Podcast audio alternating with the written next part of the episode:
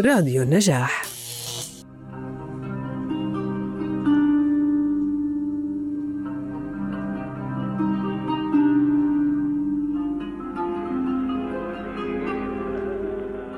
سهرة طرب مع السيد درويش. خالد الذكر. خادم الموسيقى. مؤسس الموسيقى المصرية. اسمه الحقيقي السيد درويش البحر. مجدد الموسيقى وباعث النهضة الموسيقية في مصر والوطن العربي.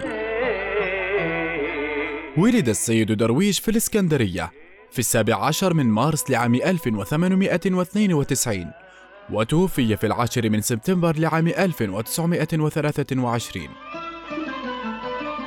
بدأ ينشد مع أصدقائه ألحان الشيخ سلامة حجازي والشيخ حسن الأزهري التحق بالمعهد الديني بالإسكندرية عام 1905 ثم عمل على الغناء في المقاهي. تزوج سيد درويش وهو في السادس عشر من عمره وصار مسؤولا عن عائلة. فاشتغل مع الفرق الموسيقية لكنه لم يوفق فاضطر أن يشتغل عامل بناء وكان خلال العمل يرفع صوته بالغناء مثيرا إعجاب العمال وأصحاب العمل. وتصادف وجود الأخوين أمين وسليم عطلة وهما من أشهر المشتغلين بالفن في مقهى قريب من الموقع الذي كان يعمل به السيد درويش. فاستدعى انتباههما صوت هذا العامل من قدرة وجمال صوته واتفقا معه على أن يرافقهما في رحلة فنية إلى الشام في نهاية عام 1908 اغترف من الفنون الشامية وتعلم القدود الحلبية وعاد إلى مصر ليبدأ مسيرة انقلاب في عالم الموسيقى التقليدية. ست سنوات فقط هي عمر المسيرة الفنية لفنان الشعب سيد درويش. من بداية عمله الفني عام 1917 وحتى رحيله في الخامس عشر من سبتمبر عام 1923 قدم خلالها ما يزيد على 200 لحن. ولحن الفصل الأول من مسرحية كليوباترا وإنطوان التي أتم تلحينها الموسيقار الكبير محمد عبد الوهاب. الحلوة دي قامت تعجن. هي أغنية عامية من الفلكلور المصري الشعبي من غناء ولحان السيد درويش وكلمات بديع خيري. وقد قام بغنائها بعد السيد درويش كل من فيروز وأميمة خليل.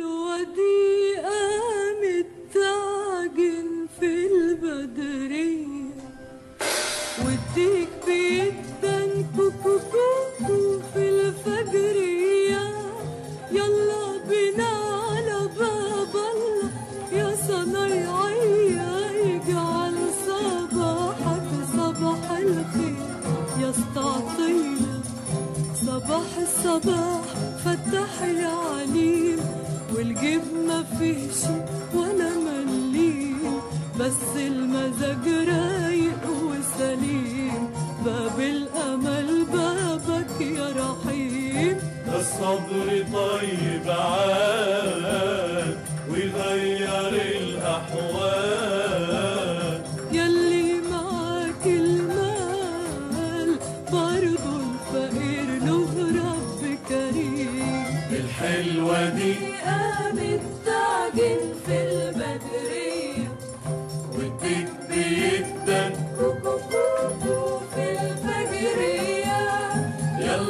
بينا على باب الله يا صنايعية يجعل صباحك صباح الخير يا استعطية ايدي في إيدك يا ابو صلاح مادام مع الله تعيش مرتاح. خلي اتكالك عالفتاح يلا بينا يلا الوقت اهو راح.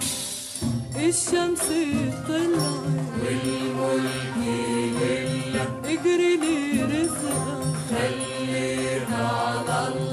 الشمس طلعت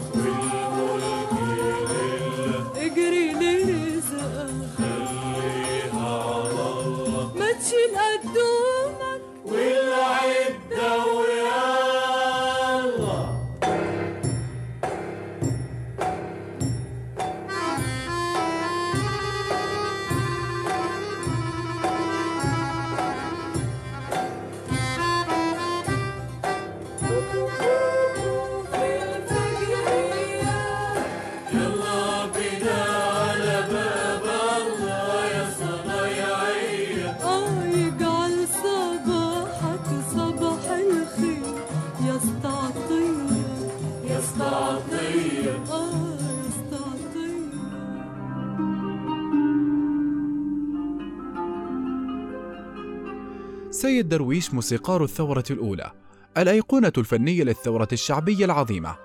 كان عام 1919 أكثر السنوات إنتاجا في تاريخ درويش الفني وفقا لكثير من المؤرخين والنقاد. إذ قدم في هذا العام نحو 75 لحنا مما يدل على أنه كان متفاعلا مع مجريات الأحداث السياسية التي دارت حوله وتحمس للمشاركة فيها من خلال إنتاجه الفني. وأصبحت ألحان وأغاني الشيخ سيد درويش هي الأيقونة الموسيقية التي تصدرت مظاهر الاحتفال بثورة عام 1919 فما إن تذكر الثورة إلا ويذكر معها أغانيه الخالدة منها قومي يا مصر. يوم ما عشت نفسي اللي ضيعت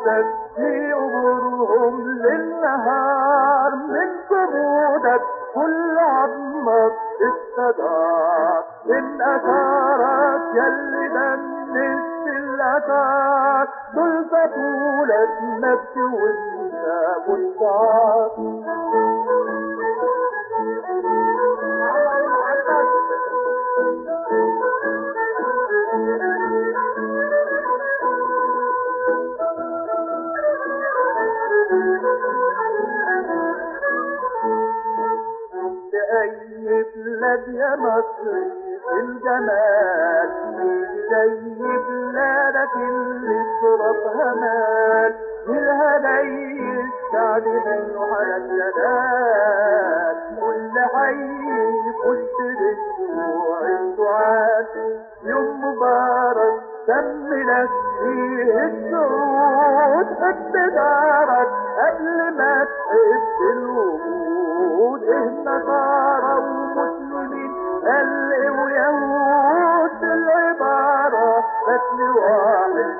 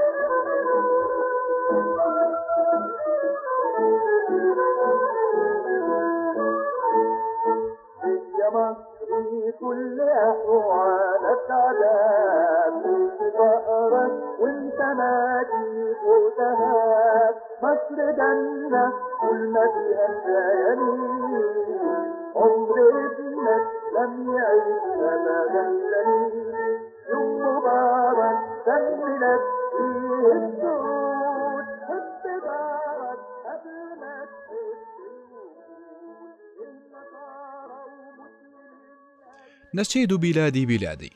راية الوطن وعلمه الخاص. فقد اقتبس السيد درويش من أقوال الزعيم مصطفى كامل بعض عباراته وجعل منها مطلعا للنشيد الوطني بلادي بلادي وهو النشيد الذي أطلقه درويش في غمار الثورة ورصاص الإنجليز يطارد الثورة وكثيرا ما تغنى به المصريون في الثورة.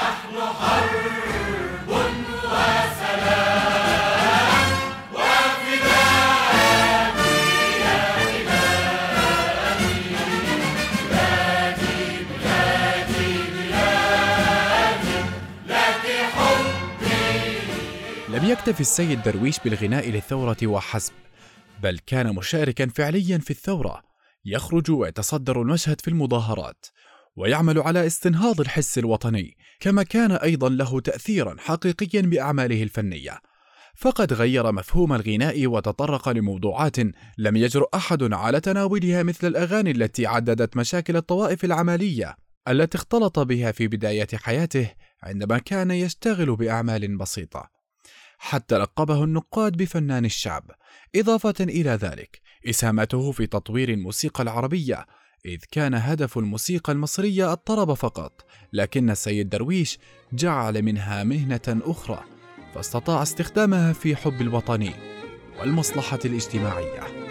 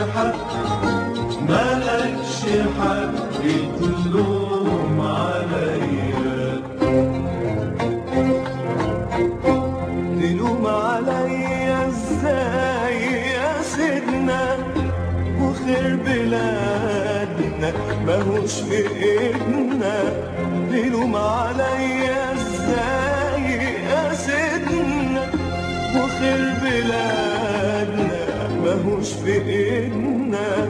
قولي عن أشياء تفيدنا.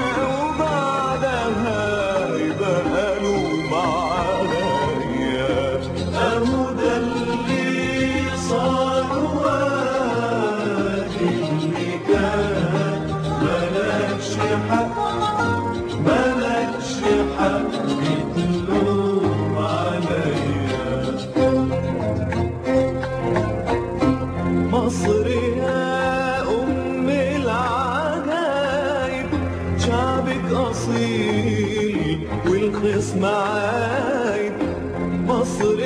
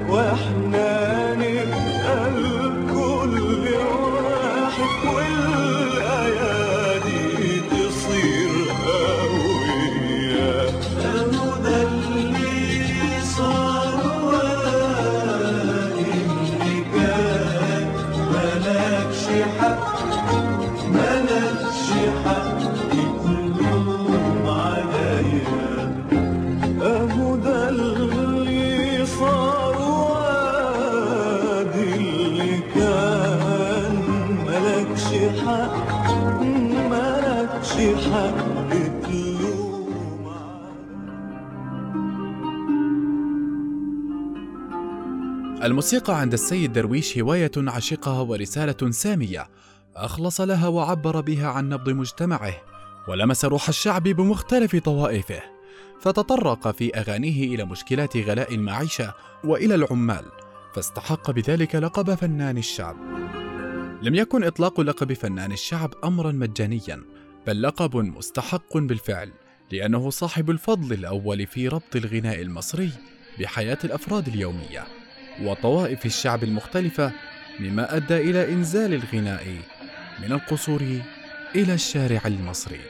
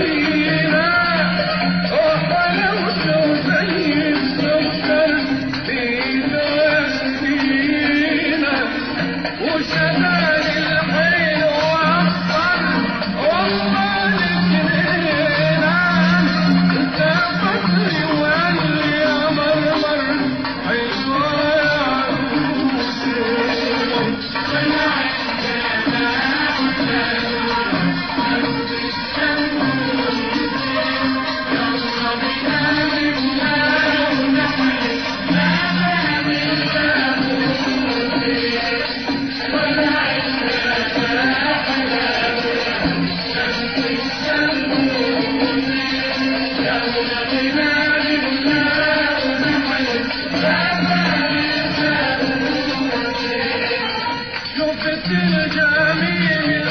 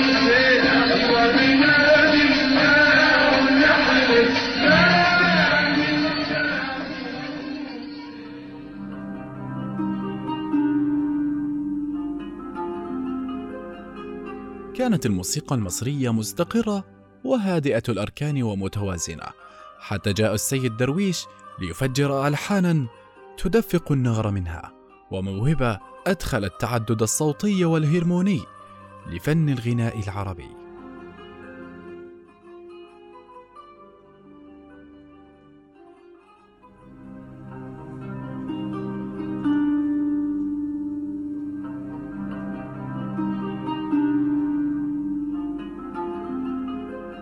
قدمنا لكم سهرة طرب مع السيد درويش. نلقاكم في سهرة أخرى ومطرب جديد.